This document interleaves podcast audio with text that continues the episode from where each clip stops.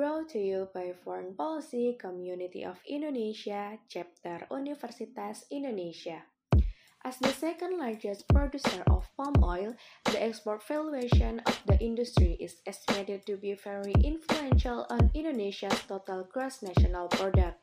In 2017, the plantation itself, both private and state-owned, occupied around 16 million hectares of Indonesia's land and absorbed 15 million of workers. However, the transition of a more sustainable industry has brought so much backlash to Indonesia's plantation system, not only to the natural environment but also to the life quality of its workers and surroundings. One of the most challenging parts that needs urgent action is the chain of modern slavery that incorporates children. The three provinces with the largest cases of child labor in agricultural sectors are North Sumatra, Central Java, and East Java. Work in agriculture involves exposure to many hazards, including extreme temperatures, pesticides, and organic dust. It also often requiring work long hours as well as the use of heavy and dangerous machinery and tools that violate occupational safety and health standards. However, the prevention and elimination of child labor is a complex effort requiring the involvement of different stakeholders. From the status quo, Indonesia already has so many actions aiming to create a safer and sustainable standard of operation for production companies, such as continuous awareness promotion and observation from Gabungan Pengusaha Kelapa Sawit Indonesia, Undang-Undang Ketenagakerjaan, and Indonesia Sustainable Palm Oil. However, the issue is also closely related to poverty, lack of access to and poor quality of education, lack of livelihood opportunities, and weak law enforcement. In this podcast idea session, Altea will engage on this issue by discussing further the complex sources of the problem and evaluating the effort to end child labor. This is your host speaking and welcome to podcast idea session, the real world of child labor in plant oil plantation. The British people have voted to leave the European Union. I have a dream. So it becomes the last time that we see a child deprived of education. We are in the beginning of a mass extinction. What you can talk about Jadi tanggung jawab kita bersama untuk mengatakan tidak bagi resesi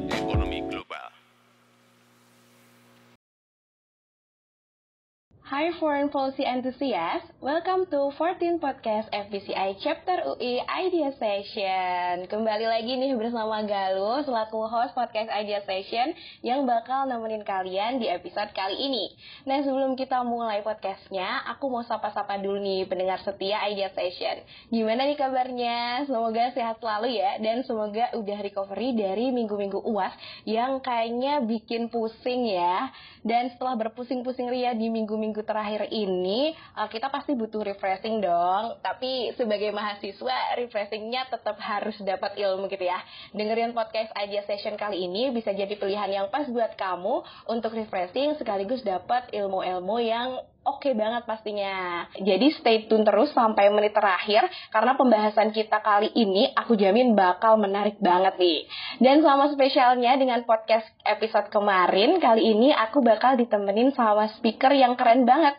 Mungkin udah banyak yang kenal juga. Eh, coba deh kita tes dulu suaranya sedikit. Hai speaker. Hai hai. Aduh, dari suaranya aja kayaknya udah apa ya udah berwibawa gitu ya. Udah bakal menjamin kalau keseluruhan podcast kita bakal menarik nih. Dan tanpa berlama-lama lagi ayo kita undang aja bergabung sama kita kali ini Altea Karenina. Hai Altea. Halo Galuh, apa kabar nih Galuh? Alhamdulillah baik. Teh apa kabar? Baik juga, walaupun kita selalu bertemu di kelas ya Galuh ya, tapi Mm-mm. kita belum pernah ketemu langsung, sedih banget. But actually, aku juga belum pernah ketemu of course sama teman-teman pendengar Mm-mm. podcast Idea Session. But hi everyone, welcome to podcast Idea Session. Namaku Altea Karenina Pravdita, bisa dipanggil Tea. Dan aku dari FISIP UI 2021 nih. Iya benar banget. Tadi perkenalan sedikit dari Altea mungkin bakal aku lanjutin ya. Altea sekarang ini selain jadi mahasiswa aktif di Fakultas Ilmu Sosial dan Ilmu Politik UI angkatan 2021, Altea ini juga menjabat sebagai Staff of External Event FPCI Chapter UI Borough 2022. Dan gak cuman itu aja, Altea juga punya banyak kesibukan lainnya nih. Uh, karena banyak banget aku sebutin yang paling recent aja kali ya. Yang pertama nih ada co-founder and chief of external relation di organisasi Little Burning Fires. Kemudian Altea juga menjadi UI official delegation for Nanyang Technological University MUN 2022. Selain itu, Altea juga punya banyak banget achievementnya. Di antaranya adalah sebagai honorable mention of ASEAN NTU MUN 2022 dan juga best delegate of UNSC Indonesia MUN 2022. Nah, banyak banget nih kesibukannya Altea sekarang ya. Tapi yang lebih kerennya lagi, Altea nih masih mau menyempatkan diri buat gabung sama kita kali ini, buat sharing sedikit mungkin ilmunya kepada kita, kepada aku dan juga pendengar aja session semuanya. Kali ini topik yang bakal kita bahas adalah tentang children right nih, tepatnya the real world of child labor in plant oil plantation. Nah, dari judulnya aja nih kayaknya udah menarik banget karena uh, kalau biasanya kita bahas tentang problematika di industri kelapa sawit tuh biasanya yang dibahas adalah seputar permasalahan lingkungan. Aku sendiri nih jarang banget uh, menemukan pembahasan tentang uh, industri kelapa sawit tapi yang diangkat dari children right. Nah, jadi pastinya topik kita kali ini bakal menarik banget dan juga bakal jadi hal yang baru yang oke okay banget buat didengerin. Nah, sebelum kita bahas uh, lebih lanjut tentang topik ini, mungkin Altea boleh sharing dulu ya ke kita, kenapa sih kita perlu membahas topik ini? Urgensinya untuk kita membahas topik ini nih apa? Alright, alright. Jadi sebenarnya nih Galuh, dari awal pertama di offer, aku tuh langsung say yes mm -hmm. because this topic is very dear to my heart. Mm. Kayak a little bit background aja ya. Yeah. Aku uh, grow up itu di Riau dan Riau itu adalah salah satu produsen kelapa sawit terbesar untuk Indonesia. Mm. And in global context, Indonesia itself itu adalah produsen terbesar for um, kelapa sawit nih buat global. Jadi bisa kita bilang Riau ini kontribusinya besar banget lah ya untuk um, ekonomi Indonesia secara keseluruhan. Apalagi a little bit of fun fact juga, uh, kelapa sawit adalah valuasi eksportir terbesar di hmm. sektor non migas buat Indonesia. So of course duitnya gede ya Galuh untuk kelapa iya. sawit ini. Dan hmm Riau itu everywhere you go you will see kelapa sawit kayak di mana pun kamu berada pasti ada uh, kelapa sawit karena emang wilayahnya itu sangat cocok gitu loh untuk kelapa sawit yeah. jadi emang daerahnya sub subur lah untuk kelapa sawit ya bukan untuk any other plantations dan uh, karena daerahnya penuh dengan kelapa sawit of course the people around me and also uh, the economic uh, development gitu-gitu tuh centered around perkebunan kelapa sawit ini. Hmm. Dan karena misalnya aku sekolah nih di satu sekolah itu di satu kelas ya, satu kelas aja bisa dari 40 murid itu 30 anak muridnya tuh orang tuanya semua ada di industri kelapa sawit. Wow. Baik fully fully untuk kelapa sawit atau kayak cuma setengah-setengah doang. Kadang kan ada yang cuma uh, sebagai sampingan doang kan. Mm -hmm. Jadi segede itu gitu loh. Uh, kelapa sawit itu berintegrasi sama kehidupan masyarakat sekitar. And why is it important for me? Ini tuh uh, a little bit background lagi ya cerita dikit.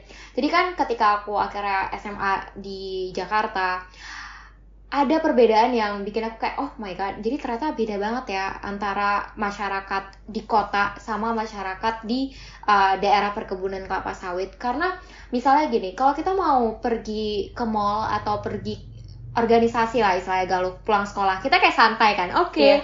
yeah. uh, set the time aja mau mm -hmm. di mana gitu kan tapi it's a little bit different there di sana tuh ketika kita pengen ajak teman untuk kerja kelompok lah istilahnya pulang sekolah itu tuh agak sulit karena mereka harus bantu orang tua nih oh maaf ya nggak bisa harus bantu orang tua dodo sawit nih atau harus bantu manen atau harus bantu mupuk gitu-gitu loh and it's quite sad because it's not a severe um, cases about child labor. Tapi perbedaan itu aja tuh udah menunjukkan bahwa oh ternyata uh, masalah uh, pekerja anak di kelapa sawit itu tuh segini influentialnya loh uh, di kehidupan anak-anak uh, di Riau gitu.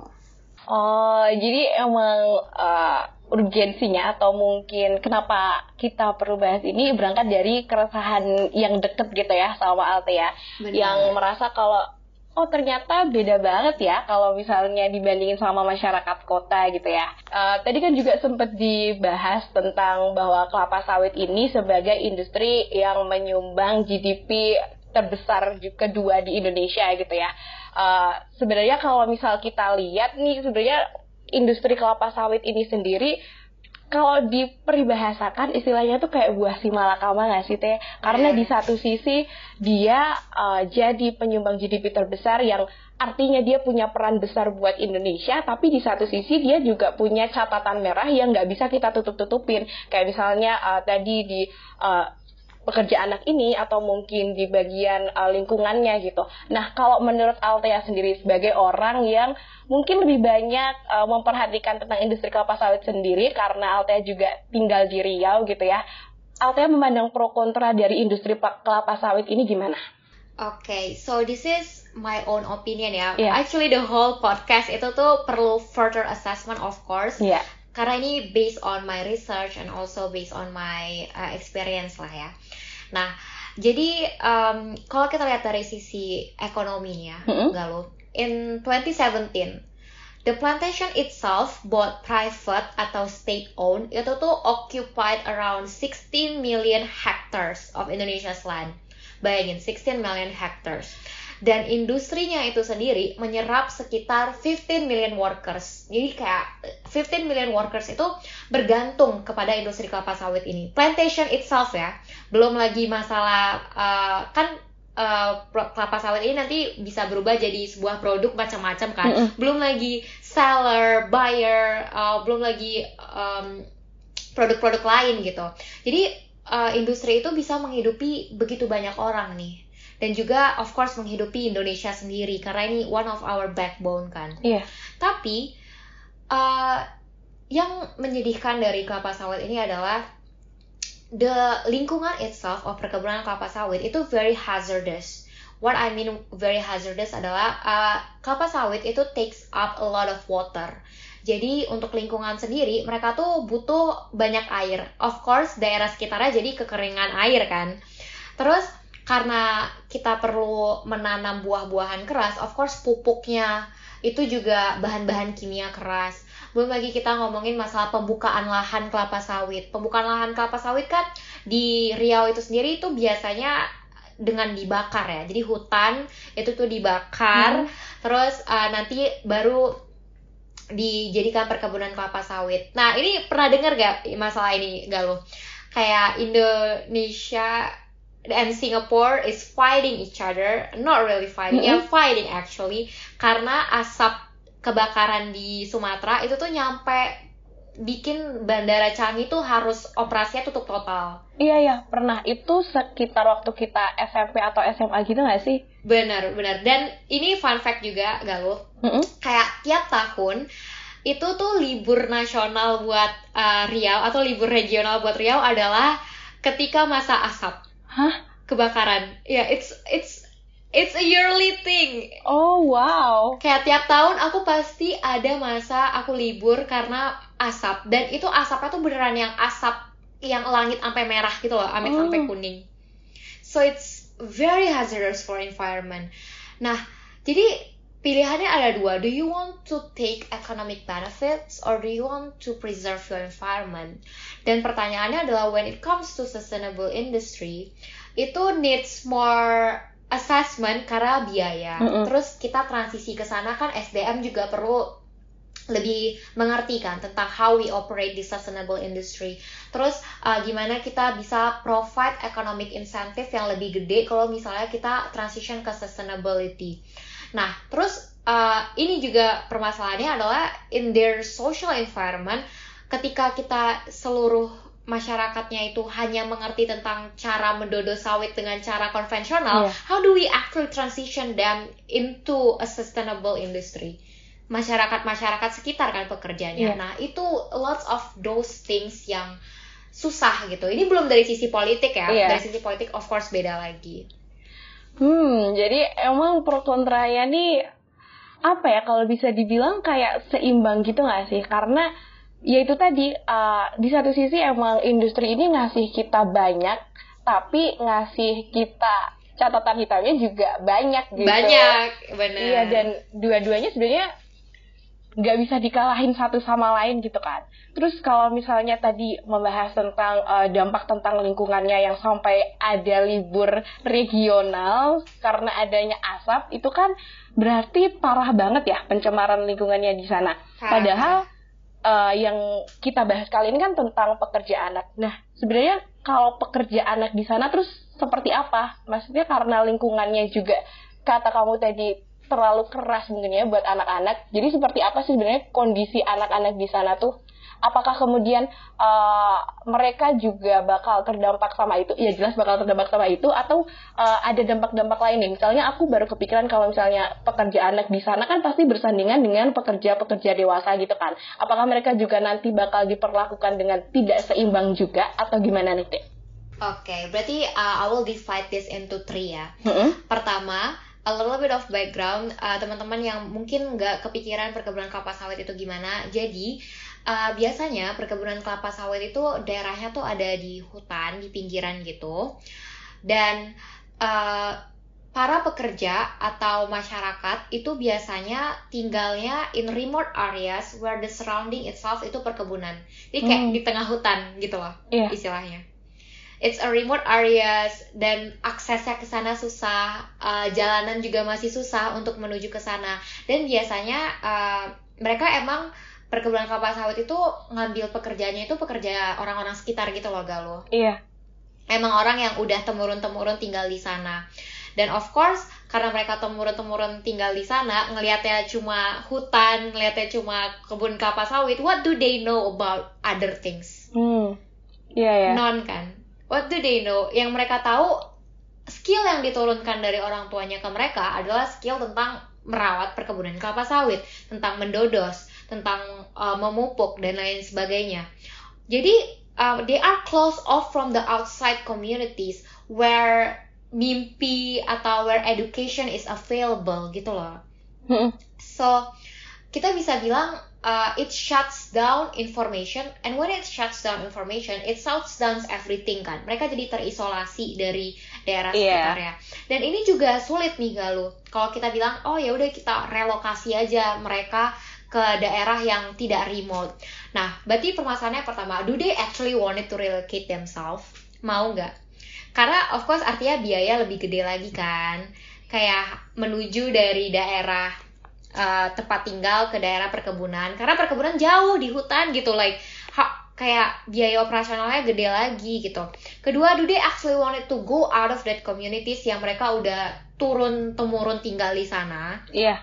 Terus yang ketiga, apakah para employer ini kan biasanya tuh employer provided housing ya kalau di tengah hutan gitu.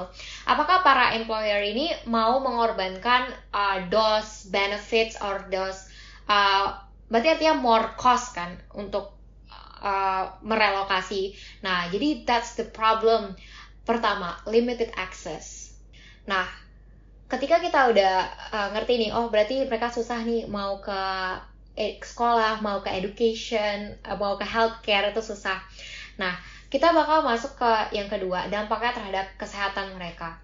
Uh, aku udah bilang juga sebelumnya bahwa it is a very hazardous environment kan. Mm-mm. Nah, ini children's exposure to haze, misalnya kayak uh, dari proses kimia hmm, pemupukan atau dari proses asap dari kalau misalnya ada pembukaan lahan baru gitu-gitu, itu tuh bikin their immune system underdeveloped sebenarnya. Kalau kata orang kan kita biarin aja anak-anak uh, mencoba apa pun biar mereka tubuhnya jadi kuat gitu kan. Istilahnya. Tapi it's not like that. Dari awal they are they have underdeveloped immune system. Bayangin dari kecil kita ngirupnya zat berbahaya. How do they actually live with that gitu loh. Mm -hmm.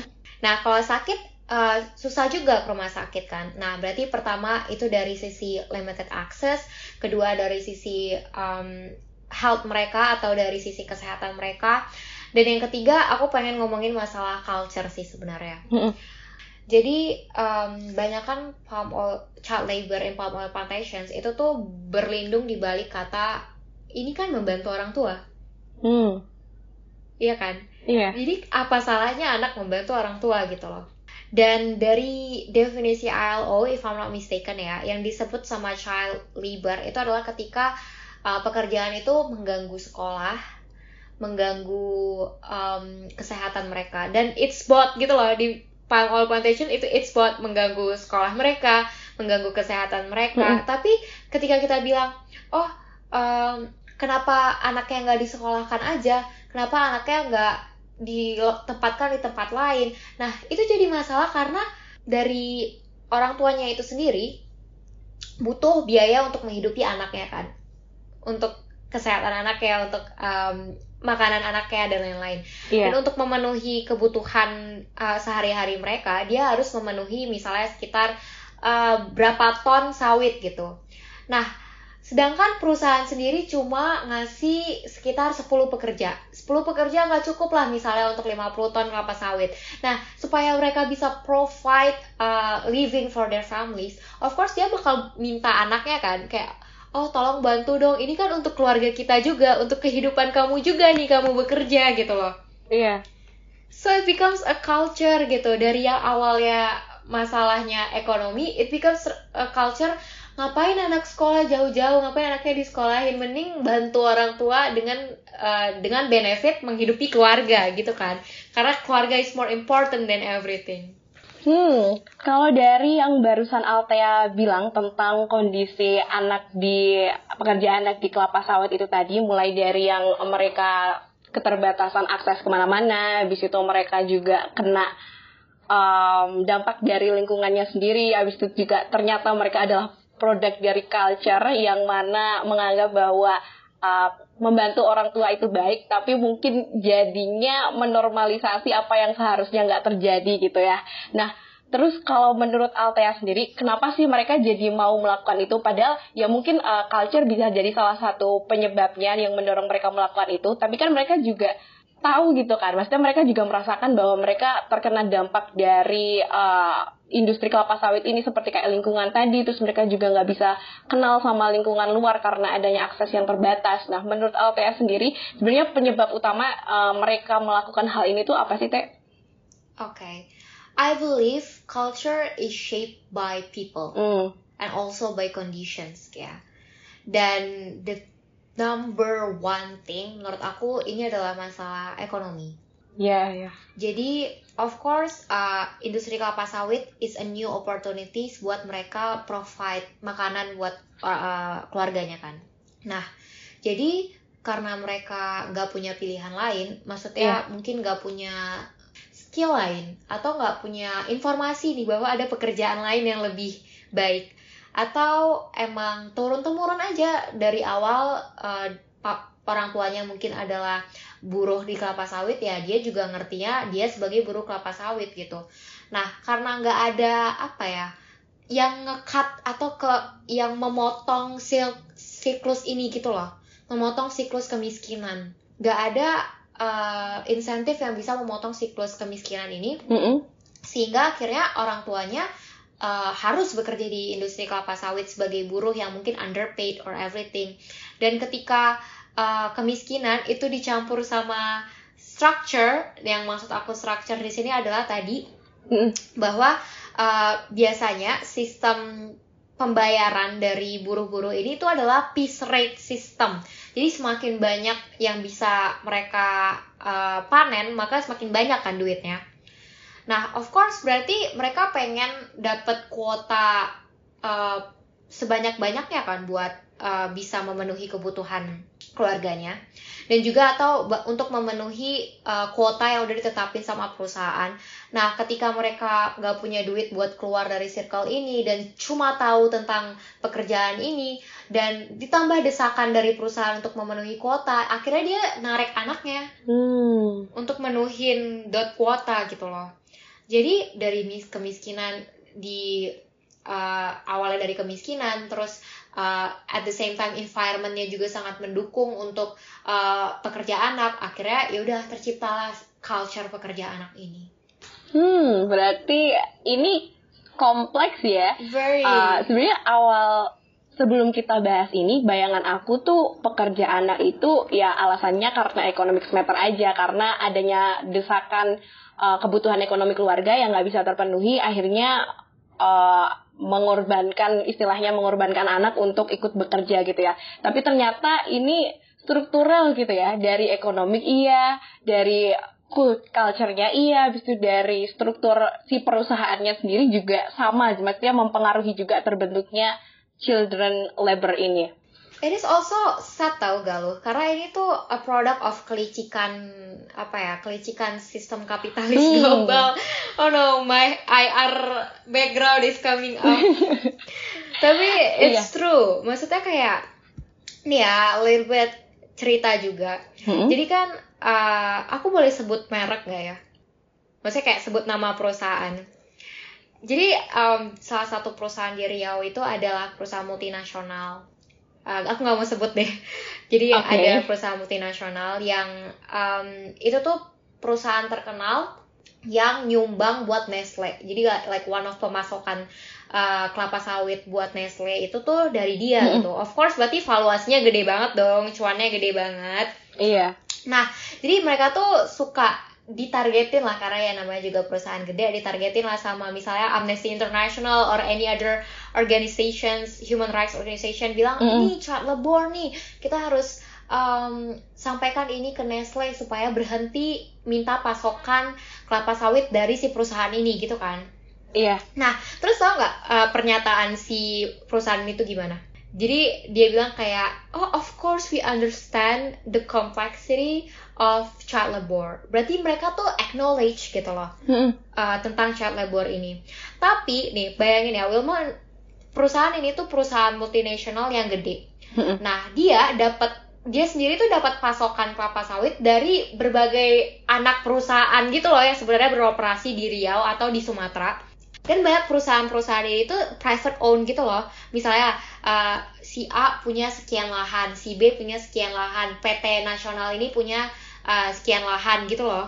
Nah, jadi dia sendiri tuh dapat uh, kelapa sawit dia dari berbagai perusahaan yang lainnya dan berbagai perusahaan yang lainnya itu di bawah lagi juga punya lokasi-lokasi uh, sendiri gitu kan kayak oh dia punya um, patokan lahan dia di sini di sini di sini. Dan setiap lahan itu tuh punya tengkulaknya sendiri atau punya mandornya sendiri gitu loh. Nah jadi kalau kita mau nyalahin si perusahaannya juga nggak bisa. Karena dia nggak pernah tanda tangan kontrak child labor. Dia nggak pernah minta oh memperbolehkan. Atau dia sebenarnya menulis tentang peraturan nggak boleh nih ada child labor. Tapi kan dia nggak tahu apa yang dilakukan oleh orang bawah-bawahnya kan? Iya. How do they know karena mereka ada di atas gitu. Si perusahaan multinasional tuh ada di atas. Dan orang-orang yang di bawah ini orang-orang yang bekerja si mandor si lain sebagainya itu kan cuma mengerti tentang memenuhi kuota. They only know about that. Jadi fokus mereka tuh cuma ya udah kita menuhin kuota kita aja karena kita bakal dapet duit gitu loh. Kalau supaya menuhin kuota ya udah kita ikutin anak kita yuk gitu Hmm, semakin ini ya, semakin kompleks ya ternyata. Ternyata masalahnya nggak cuma sampai di level nasional aja, atau maksudnya nggak cuma sampai level di perusahaannya aja. Aku pikir tadi cuma bakal sampai di level perusahaannya, tapi ternyata karena ini perusahaan atau industri yang besar sampai skala internasional, permasalahannya juga sampai internasional ya. Benar makanya isu perusahaan uh, multinasional, masalah isu pekerja anak, environment hmm. itu kan sebenarnya isu kontemporer HI ya. Iya. Because it is being talked over and over again karena sistemnya tuh sebenarnya dibentuk gitu loh. It's itu sistem yang dibentuk oleh upper apa nggak tahu lah tangan-tangan mm -mm. di atas tuh uh, sehingga masyarakat masyarakat kecil atau sebenarnya pekerja yang melakukan pekerjaan teknis yang di dunia nyata tuh nggak punya pilihan lain gitu loh Galuh sebenarnya. Oke, nah ini nih melihat bahwa tadi ternyata ini adalah sebuah uh, apa ya bisa kita katakan sistem yang kompleks banget dan terstruktur sampai internasional berarti dampaknya nih nggak mungkin kalau cuman berhenti sampai di anaknya aja kan pasti dampak dari isu uh, child labor ini pasti juga udah terdengar sampai ke mana-mana. Mungkin ini juga bisa berdampak buat Indonesia, bisa berdampak buat perusahaan, atau mungkin bisa berdampak dalam skala yang lingkup lebih uh, lingkup lebih besar gitu, lingkupnya skala global gitu. Nah, sebenarnya sendiri kan aku masih awam banget gitu ya Teh. Kalau menurut Altea, semua Altea sendiri dampaknya nih sebesar apa sih dari adanya child labor di industri kelapa sawit ini? Oke, okay. kan tadi udah dari sisi individualnya lah ya, dari sisi mm -hmm. anaknya, dari sisi orang tuanya. Now, now I probably will talk more on national level.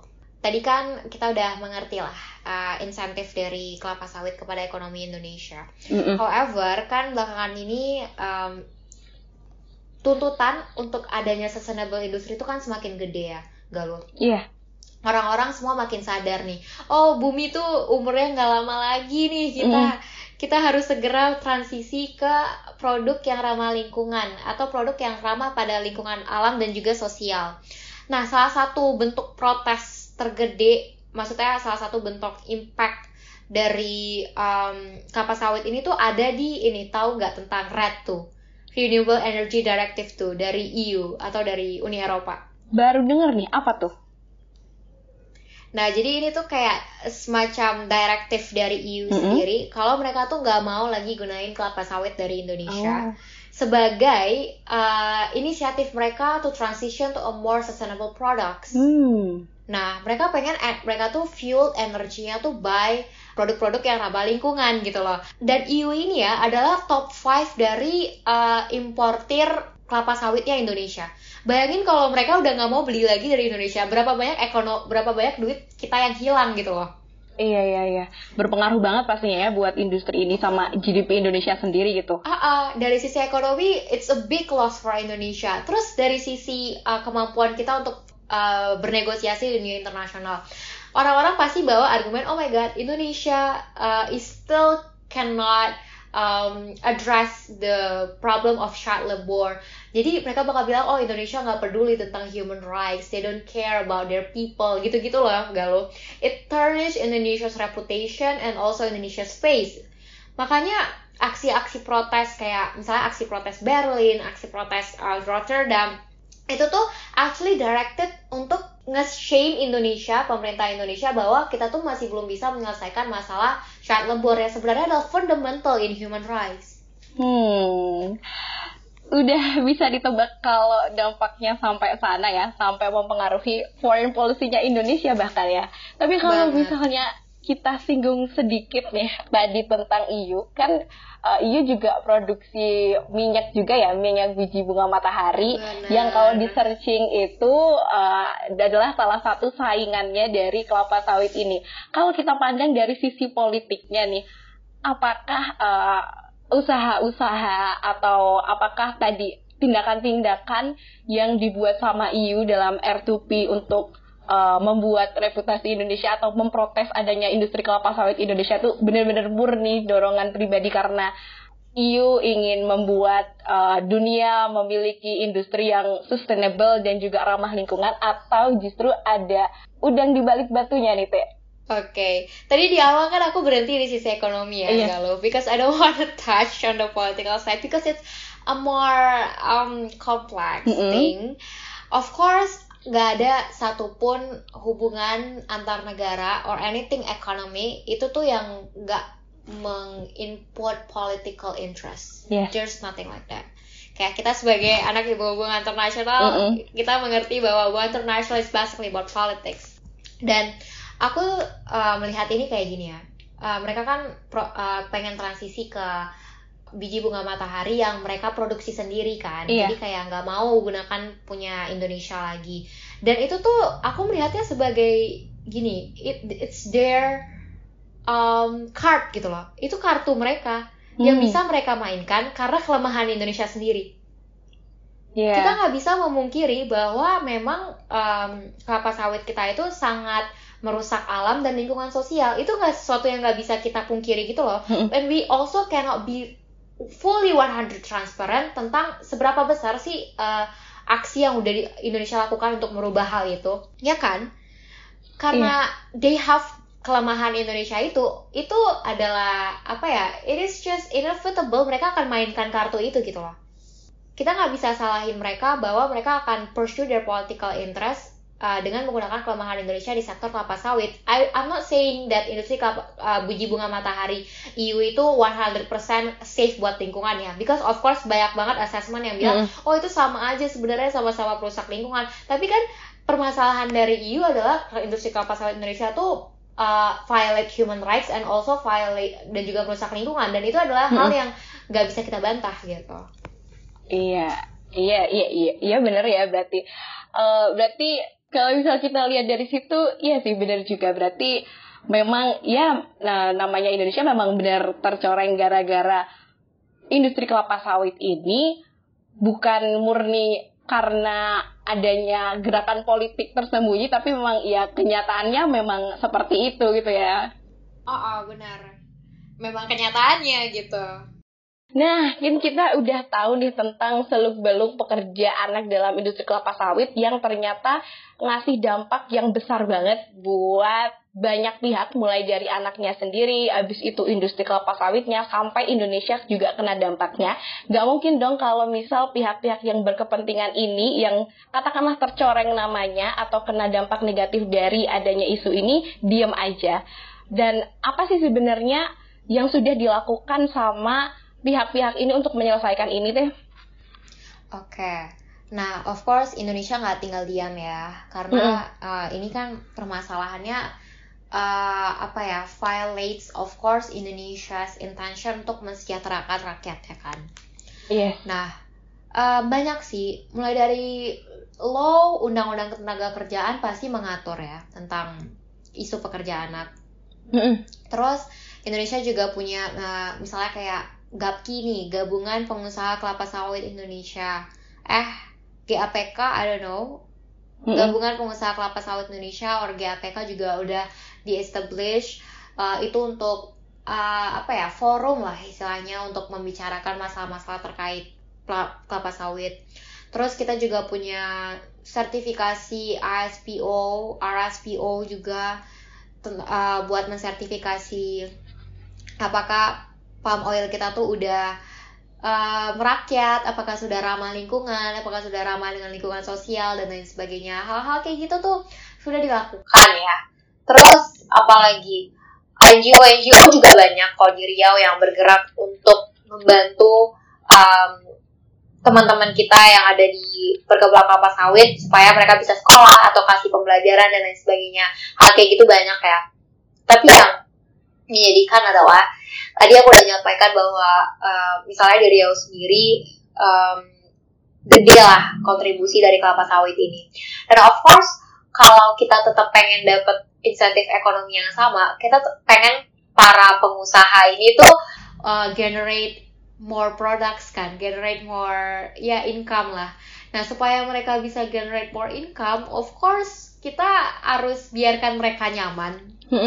Biarin para pengusaha ini beroperasi dengan ya udahlah beroperasi semana sebagaimana dia mau beroperasi supaya dapat produk sebanyak-banyaknya gitu loh. Dan karena income-nya bakal balik ke kita lagi. Dan jadinya banyak kan as dari aspek legal ya itu tuh somehow terlihat dibiarkan gitu loh. Kayak ya udah dibiarin aja karena it will help um, the economy the system yang kita mempekerjakan anak itu atau the system yang kita membiarkan uh, para pengusaha uh, para buruh kelapa sawit itu terisolasi dari masyarakat. Hmm. So it's kind of sad. Iya, jadi meskipun banyak yang udah dilakuin kayak tadi yang kamu bilang mulai dari undang-undang terus habis itu membentuk banyak hal atau banyak program, tapi nyatanya hal itu belum efektif ya karena balik lagi industri ini punya pengaruh yang besar di ekonomi Indonesia.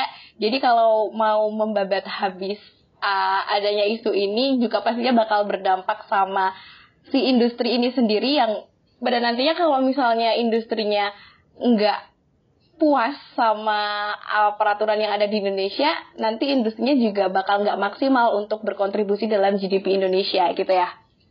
Benar. Jadi kalau aku bisa sums up ya, mm -hmm. uh, pertama-tama we need that dobrakan atau we need that gunting yang mutus siklus kemiskinan itu loh. Iya. Yeah. What kind of economic incentive that we can actually give atau what kind of revolusi sosial yang bisa kita lakukan yeah. supaya uh, si masyarakat yang uh, ada di sekitar industri kelapa sawit ini, walaupun mereka bekerja di sekitar industri kelapa sawit, mereka tetap dapat insentif ekonomi yang cukup gitu loh. Iya, benar banget. Gimana caranya supaya mereka itu tetap aksesnya tidak terpotong dari dunia luar? Gimana caranya supaya anak-anak mereka itu tetap bisa sekolah misalnya? Hmm. Gimana caranya supaya mereka tetap bisa dapat uh, apa ya, tetap bisa membiayai keluarganya, tetap bisa membayar biaya kesehatan keluarganya dengan minimum wage yang diberikan oleh pekerjaannya gitu loh. Nah, itu adalah salah satu yang sebenarnya lack of assessment menurut aku sendiri ya hmm. dari dari observasi aku untuk nge-assess titik masalah bahwa mereka tuh tuh sebenarnya bisa aja dialokasikan dengan skill yang lebih baik, dengan pembiayaan lebih baik, kalau aja pemberdayaan masyarakatnya juga dia dimaksimalkan gitu loh. Iya, iya. Misalnya, sebenarnya kita bisa aja bikin uh, sistemnya kayak gini. Kita bikin, um, oh ya udah, uh, kita bangun sekolah di uh, bukan di tengah hutannya ya, probably like the outskirt of the hutan. Hmm. Nah, kita bikin perusahaan, kita berkoordinasi sama perusahaan bahwa ada peraturan gak boleh bawa anak di uh, camp itu, di camp tengah hutan itu. Gak ada peraturan gak boleh bawa anak nih. Dan uh, si pekerjanya ini boleh nih pulang setiap dua apa dua minggu sekali ke keluarganya gitu dan mereka nggak dipotong nih insentif ekonominya jadi kita nggak pakai kuota base lagi pokoknya berapapun uh, dapetnya uh, dia minimum wage-nya tetap segitu. Kalau aja uh, we make that kind of environment buat mereka oh berarti mereka punya pilihan kan? Mereka hmm. punya pilihan untuk menyekolahkan anaknya di tempat yang ada sekolah gitu. Berarti penyelesaiannya ini sama kompleksnya juga dengan permasalahannya ya? Karena tadi yang dari Indonesia sendiri uh, banyak yang udah dikeluarkan tapi nyatanya nggak bisa. Kalau misal aku bisa tambahin mungkin ini nggak selesai-selesai karena nggak dari bawah menyelesaikannya gitu ya Benar. maksudnya pemerintah langsung yang pemerintah cuma ngasih kebijakan ini ini ini ini ini tapi tanpa tahu kondisi yang dihadapi sama masyarakat di bawah seperti apa padahal yang dihadapi sama masyarakat tuh masalahnya udah dari uh, udah menjadi culture tersendiri gitu. Benar. Nah kalau menurut Altea sendiri kan tadi bilang kita harus uh, kita bisa menyelesaikan permasalahan ini dengan menciptakan uh, lingkungan yang sesuai sama mereka. Nah caranya kita untuk bisa dapat menciptakan lingkungan itu tuh seperti apa teh? Oke. Okay. Uh, jadi kan benar banget, aku setuju banget kayak ketika kita pengen nyelesain masalah itu tuh approach-nya harus terutama masalah kayak human rights gitu-gitu mm -hmm. ya. It's bottom up gitu loh jadi kita lihat dari sudut pandang masyarakatnya itu dulu. Dari sudut pandangnya apa sih yang bikin mereka uh, mau involve in this kind of situation atau memaksa mereka involve in this kind of situation. Karena kalau dipikir-pikir bener juga gitu loh. Dibanding dia sekolahin anaknya, mending anaknya bantu orang tuanya yeah. nambah duit dan yeah. menghidupi keluarga kan.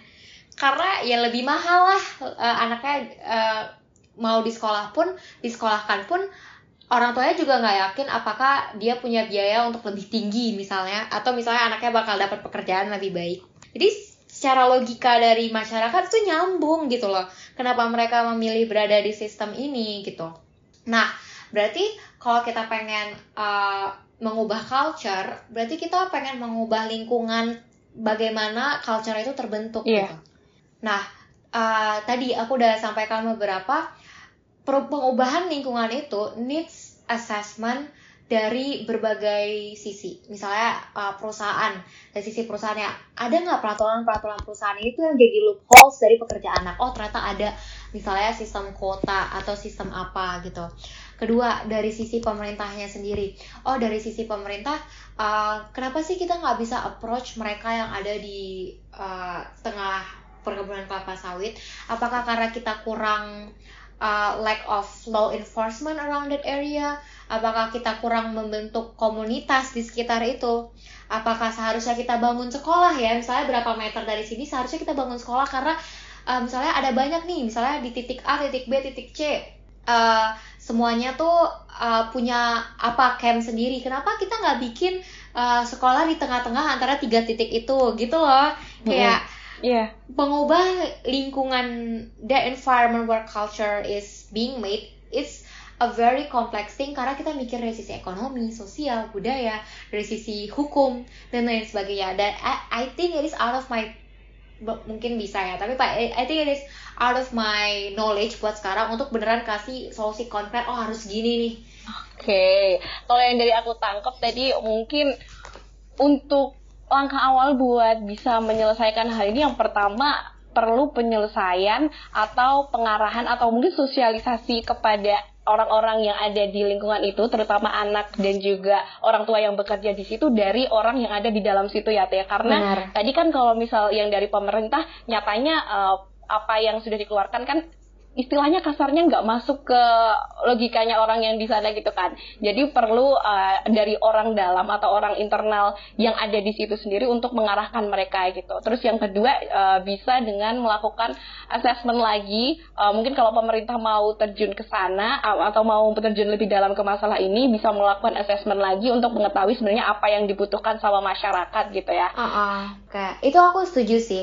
Karena misal di pikiran kita pendidikan itu sekolah formal kan mm -mm. tapi ternyata itu tuh nggak butuh gitu loh sama uh, anak-anak yang ada di daerah itu misalnya gitu ya mm -mm. ternyata mereka lebih butuh misalnya sistem sekolah alam atau sis, uh, sekolah yang vokasional gitu loh misalnya uh, kita bagaimana kita membentuk daun dari kelapa sawit jadi sebuah produk ngerti nggak sih kayak yeah. kayak gitu kayak gitu kan it's the kind of thing yang kita nggak masuk logikanya but it's actually very beneficial for them gitu loh nah makanya assessment-assessment kayak gini yang harusnya jadi backbone dari permasalahan uh, labor, child labor ini gitu. Yes, benar banget. Berarti intinya perlu adanya penelitian lebih lanjut tentang permasalahan ini kalau memang uh, mau benar-benar mengusahakan uh, child labor ini berkurang mm -hmm. atau mungkin bahkan menghilangkan child labor di industri kelapa sawit ini ya. Benar. And it, it also we need also to become more robust gitu. Jadi kayak ketika kita negosiasi sama perusahaan multinasional or when we talk about law enforcement, it's all about robust kan tentang uh, political sensitivity and everything. Kalau kita emang pengen eliminasi and really wanted to transition our perusahaan kelapa sawit or industri kelapa sawit kita, berarti harus tegas goal kita apa dan hal-hal politik yang mengganggu goal tersebut harusnya bisa dinegosiasikan gitu. Hmm, ya ya ya ya. Uh, jadi dari pembahasan kita tadi dari awal sampai terakhir yang bisa aku simpulin mungkin satu kata buat mewakili pembahasan kita dari tadi adalah kompleks ya. Dari mulai uh, penyebabnya, habis itu dampaknya, habis itu solusinya, tiga-tiganya tuh kompleks semua yang membutuhkan benar-benar perhatian khusus dari berbagai kalangan untuk dapat menyelesaikan permasalahan ini gitu. Dari pembahasan kita tadi kayaknya menarik banget dan menurutku ini isinya daging semua ya karena informasi-informasinya tuh baru-baru semua dan juga padat banget nih. Sampai pusing gak sih? Iya bener banget. Maksudnya kita yang uh, dari luar, uh, terutama aku ya kalau Altea sendiri kan uh, emang ada di lingkungan itu. Uh, aku sendiri dari orang awam yang mendengarkan ini itu kayak ikut pusing gitu karena permasalahannya memang sekompleks itu dan juga uh, udah terjadi secara struktural. Makanya mungkin terlihatnya kalau dari uh, dari kacamata orang awam tuh agak rumit untuk diselesaikan. Tapi menurutku ini rumit tapi bukan yang nggak mungkin gak sih? Karena kalau misalnya kita berkoordinasi, nanti mungkin akhirnya kita juga bisa paling nggak mengurangi lah adanya child labor dari uh, industri kelapa sawit ini. Benar. Oke, okay.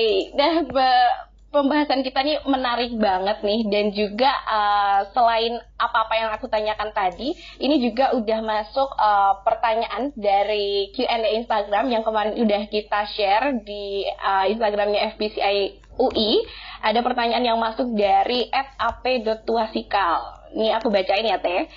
Bagaimana anak-anak bisa bergabung sebagai pekerja industri kelapa sawit? Apakah karena mereka mengalami keterbatasan ekonomi atau justru dipaksa oleh oknum?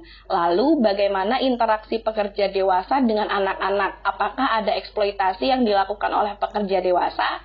Ini sebenarnya udah kita singgung di pembahasan kita tadi, tapi mungkin biar situasi kalian terjawab, boleh teh dipertegas mungkin kali ya. Oke, tadi kan aku uh, sampaikan mungkin dari sisi pertama sisi ekonomi ya keterbatasan uh, ekonomi tadi, dari sisi culture, dari sisi orang tuanya, dan yang ketiga tapi yang pengen aku highlight hmm. adalah apakah mereka terpaksa atau enggak. We never know. Hmm. We never know. Karena pertanyaannya seharusnya adalah apakah mereka tahu bahwa ada pekerjaan lain selain itu? Nah, iya iya iya iya. Do they know there is another thing outside of that world? Seharusnya itu yang dipertanyakan pertama kali. Kalau mereka nggak tahu, apakah itu termasuk pemaksaan ketika mereka bekerja di, di situasi itu? Nah, itu makanya ini aku pernah nonton wawancara juga nih Galuh kayak mm -hmm. uh, dia ditanya kayak dia pengen jadi apa gedenya terus dia jawab dia pengen jadi supir truk karena it's not like it's bad ya. Tapi alasannya mm-hmm. alasannya tuh karena uh, dia pengen jadi supir truk karena dia ngelihat uh, orang yang bisa keluar dari perkebunan kelapa sawit itu adalah si supir truk-truk yang bawa kelapa-kelapa sawit itu. Ah. Dia merasa kayak that vehicle can bring him to somewhere else. Wow. Jadi it's sad Pertama karena limitasi dia hanya alasan dia untuk memilih menjadi sopir truk itu hanya itu gitu loh. Supaya dia bisa keluar dari lingkungan itu ya. Benar. Dan karena ya emang yang dia lihat itu gitu loh. Hal-hal yang berhubungan sama kelapa sawit. Ah, ya, nah benar banget dari situ kalau misal kita sambungin ke pertanyaannya tadi, gimana sih anak-anak bisa tergabung ke situ? Ya tadi karena adanya keterbatasan keterbatasan akses yang akhirnya membuat hmm. uh, mereka seperti itu. Dan juga karena budaya uh, mematuhi orang tua atau membantu orang tua baik yang membuat mereka mau menjadi pekerja anak. Bukan pilihan mereka sendiri tapi keadaan yang membuat mereka begitu. Dan juga ini juga bukan karena keterpaksaan juga ya. Karena mungkin kalau menurut mereka udah naturalnya begitu. Kayak ya udah secara natural saya harus begini ya saya jadi begini gitu. Actually bisa aja ada unsur keterpaksaan. Hmm. karena bisa aja di, mereka dulu sekolah. hmm terus karena pandemi or anything ada aja yang bisa terjadi kan. Hmm. terus mereka harus putus sekolah dan harus balik uh, bantu orang tua. That variable pasti ada juga sih. Oke okay, berarti jadinya uh, gabungan gitu ya antara mereka gabungan, antara mereka terpaksa oleh keadaan dan juga antara mereka memang menganggap bahwa itu ya selumrahnya seperti itu gitu ya. Selumrahnya seperti itu. Dan kalau kita ngomongin satu lagi tadi masalah relasi mm -hmm. hubungan antara pekerja, nah ini kan aku bilang mereka itu uh, exposed to a very hazardous situation, yeah. di mana uh, mereka pakai alat-alat berat, um, alat-alat runcing, terus uh, bahan kimia dan lain sebagainya dalam relasi sama para mandor atau para uh, gimana ya ngomongnya, yang mengawasi gitu. Mm -hmm. Nah itu kan mereka expect si anak ini kerjanya cepat kan kerjanya bisa apa ya membantu. Ngapain dia ada di situ kalau dia nggak bisa ngasih tambahan apa-apa? Jadi kita bisa mikir oh mereka ini apa ya secara fisik itu tuh exhausted gitu loh.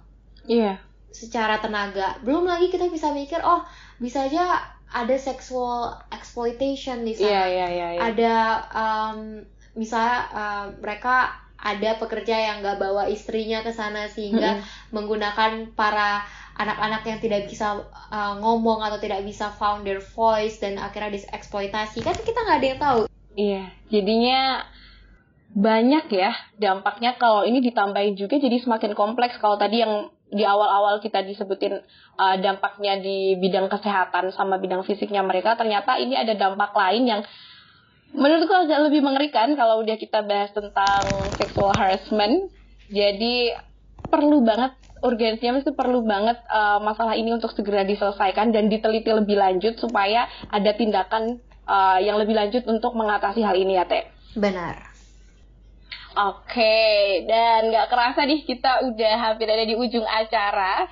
Tapi sebelumnya aku mau bacain resume dulu dari percakapan kita tadi, biar pendengar kita juga bisa recall nih ingatannya apa aja sih yang udah kita omongin tadi.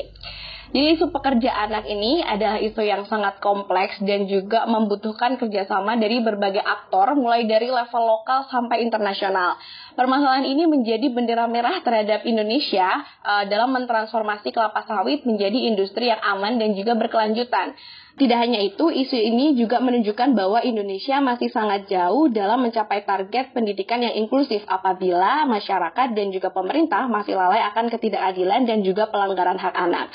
Oleh karena itu, diperlukan pendekatan grassroots dari pemerintah, LSM lokal, dan juga komitmen dari perusahaan nasional hingga kolaborasi dengan ILO, UNICEF, dan juga RSPO uh, untuk menentukan nasib dari isu pekerja anak di perkebunan kelapa sawit.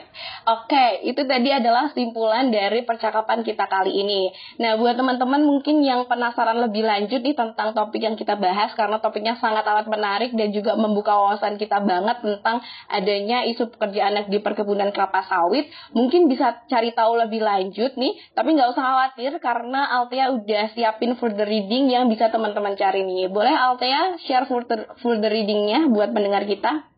Oke, okay, ini boleh banget. Ini tapi I don't know ya. Harusnya aku bisa compose a more great, a more uh, inclusive further readings karena ini banyak kan dari UN sebenarnya. Pertama itu child labor implantation namanya, it's a website itu dari ILO. Mm -hmm. International Labour Organization.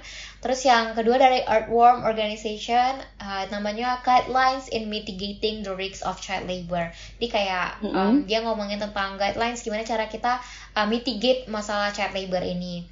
Terus ini ada dari UNICEF, uh, judulnya Palm Oil and Children Indonesia.